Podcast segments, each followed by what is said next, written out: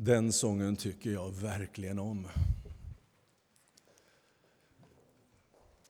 Det finns ju sånger, oavsett om de är gamla eller nyskrivna, som omedelbart fångar ens inre. Och det beror ju på ens eget känsloläge när man hör den.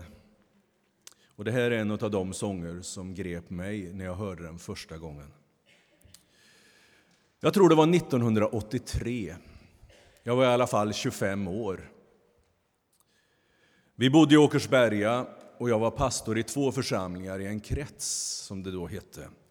Åkersberga frikyrkoförsamling och Vaxholms missionsförsamling.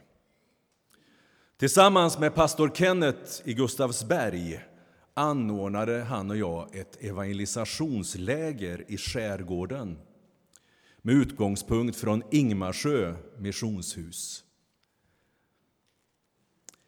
Det anmälde sig ett tjugotal och vi fick låna en öppen båt med tändkulemotor som skulle ta oss runt i skärgården. Max sju knop, men vi kom inte upp i över fem någon gång.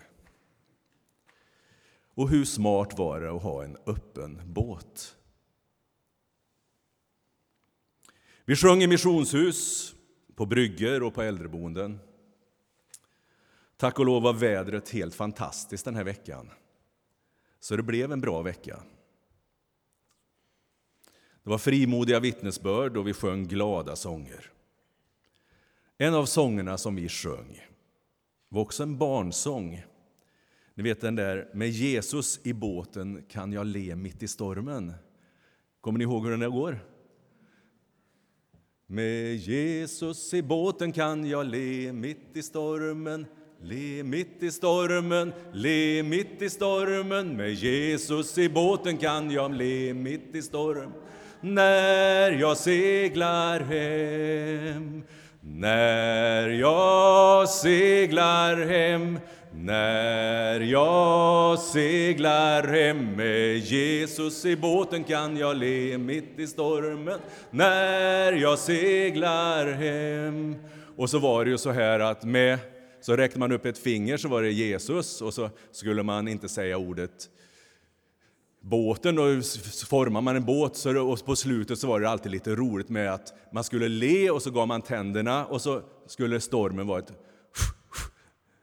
med i kan man mitt i och det skapar ju en stämning. Så att, eh, det hade vi nästan alltid, den där sången. Den längsta turen vi hade gick till Stavsnäs och dess missionshus på Värmdölandet. Jag kommer ihåg en gång tidigare så har jag varit i Stavsnäs och haft, eh, haft besök. Ja, vad kallas det för någonting, Jan, när man var ute som fältmissionsdag, eller vad heter det? Fältmissionsdag, ja, det hade jag på eh, Stavsnäs. Och då tog Josef Pettersson, den starke mannen, då över, han var nog över 90 redan då, han kände så i alla fall, men han var fantastisk. Han var mötesledare och han inledde med att hälsa mig välkommen. Och det gamla namnet på skolan jag gick, Teologiska seminariet, var ju Missionsskolan. Och han hade lite svårt att hålla isär allting. Så när han skulle hälsa mig välkommen så sa han och, och så vill jag hälsa Ulf Eriksson från Teologiska museet välkommen. Och det var en riktigt god start på en, ett trevligt möte för ett 20-tal personer. Och mötet med lägesångarna gick också bra. Och fram emot 23-tiden så skulle vi puttra mot Ingmarsö. En resa som skulle ta ungefär två timmar. Mitt ute på Karnholmsfjärden, alldeles väster om Vindö, så stannade motorn. Vi hade glömt att tanka båten. Det var midnatt och inte en båt i sikte. Och det är ett understatement att säga att inte det blev oro i båten. Några började till och med att gråta.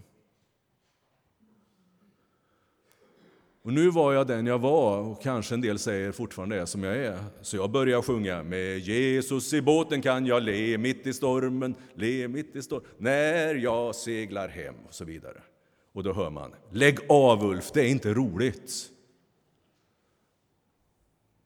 Nej, det var inte roligt. Vi hade problem, men det var ju kav lugnt på sjön. Så någon direkt livsfara handlar det inte om. Hur kommer det sig att vi med en sån frimodighet i missionshus sjunger med Jesus i båten kan jag le mitt i stormen. Men när vi, bara några timmar senare, vid midnattstimman sitter i båten och får soppatorsk, inte orkar att höra sången och absolut inte sjunga den. Det blev en viktig lärdom. För den innersta tron formas i smärtan och inte i det hurtfriska. Även om vi ibland behöver det hurtfriska för det är roligt. Texten som Axel läste säger Genast talade Jesus till dem och sa Lugn, det är jag. Var inte rädda. Vi knäppte också våra händer i båten. Och efter 20 minuter så kommer det en, en, en liten fraktbåt tuffande. Och han ser oss och han drar oss till Möja. Och inne i Möja så låg missionsbåten Shalom. Och de gav oss 20 liter diesel och vi var hemma strax efter tre.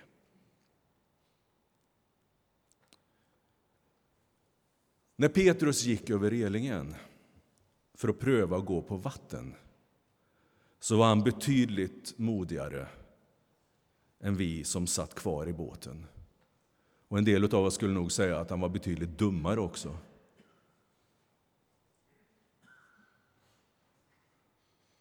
Och så står det. Han började sjunka och ropade Herre, hjälp mig. Jesus sträckte genast ut handen och grep, hon, och grep tag i honom. Du trosvage, sa han, varför tvivlade du? Varför tvivlade du?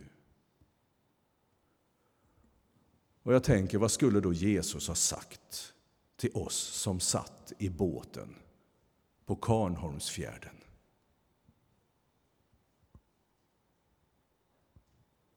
Jag känner mig ofta som pappan till den stumme pojken som säger till Jesus jag tror.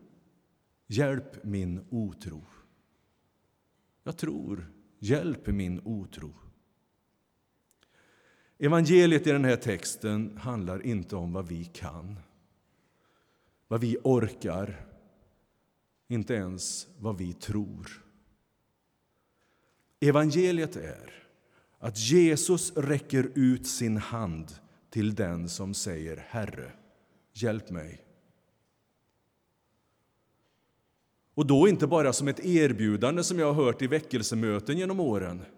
Att Jesus räcker ut sin hand, nu är det upp till dig att ta emot den. Vad stod det i texten? Det står Jesus sträckte genast ut handen och grep tag i honom.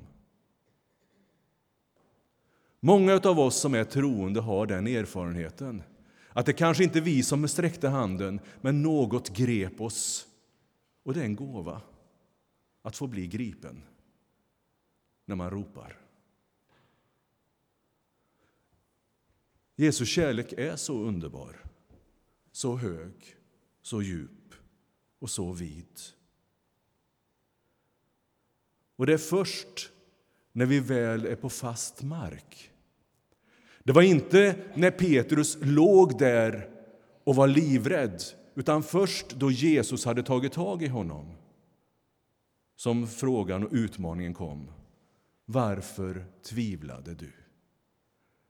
Det slår inte mot den som är i rädslan, utan den som har blivit räddad. Till oss att fundera över varför tvivlade du? Och Vi är många som känner oro för framtiden idag. Trump beter sig ena stunden som en barnunge, en bortskämd barnunge och i andra som en diktator. Lögnen är legitim, och landet som byggdes av immigranter hindrar nu människor som flyr från sina liv, för sina liv att komma in. Det är skrämmande. Den fria världen bygger murar. Hur kan en fri värld bygga murar? Putin står på andra sidan och applåderar. Vad är det som sker? Och hur kunde det bli så här? Det är som den blåser upp till storm. Och en del av oss, kanske inte högt, men inom oss skriker av rädsla. Just av rädsla. Vart är det på väg? Herre, hjälp oss. Eftersom vi tror i den här kyrkan att Jesus är mitt ibland oss och talar till oss för att bryta sönder rädslans ok. För att istället för att krympa räta våra ryggar.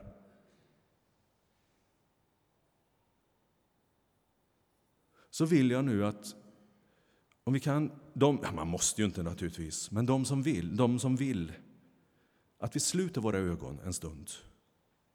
Och så lyssnar vi till hans röst i dagens evangelium. Texten börjar med en liten inledning och sen kommer Jesu ord. Och jag läser. Genast talade Jesus till dem och sa Lugn, det är jag. Var inte rädda. Lugn, det är jag.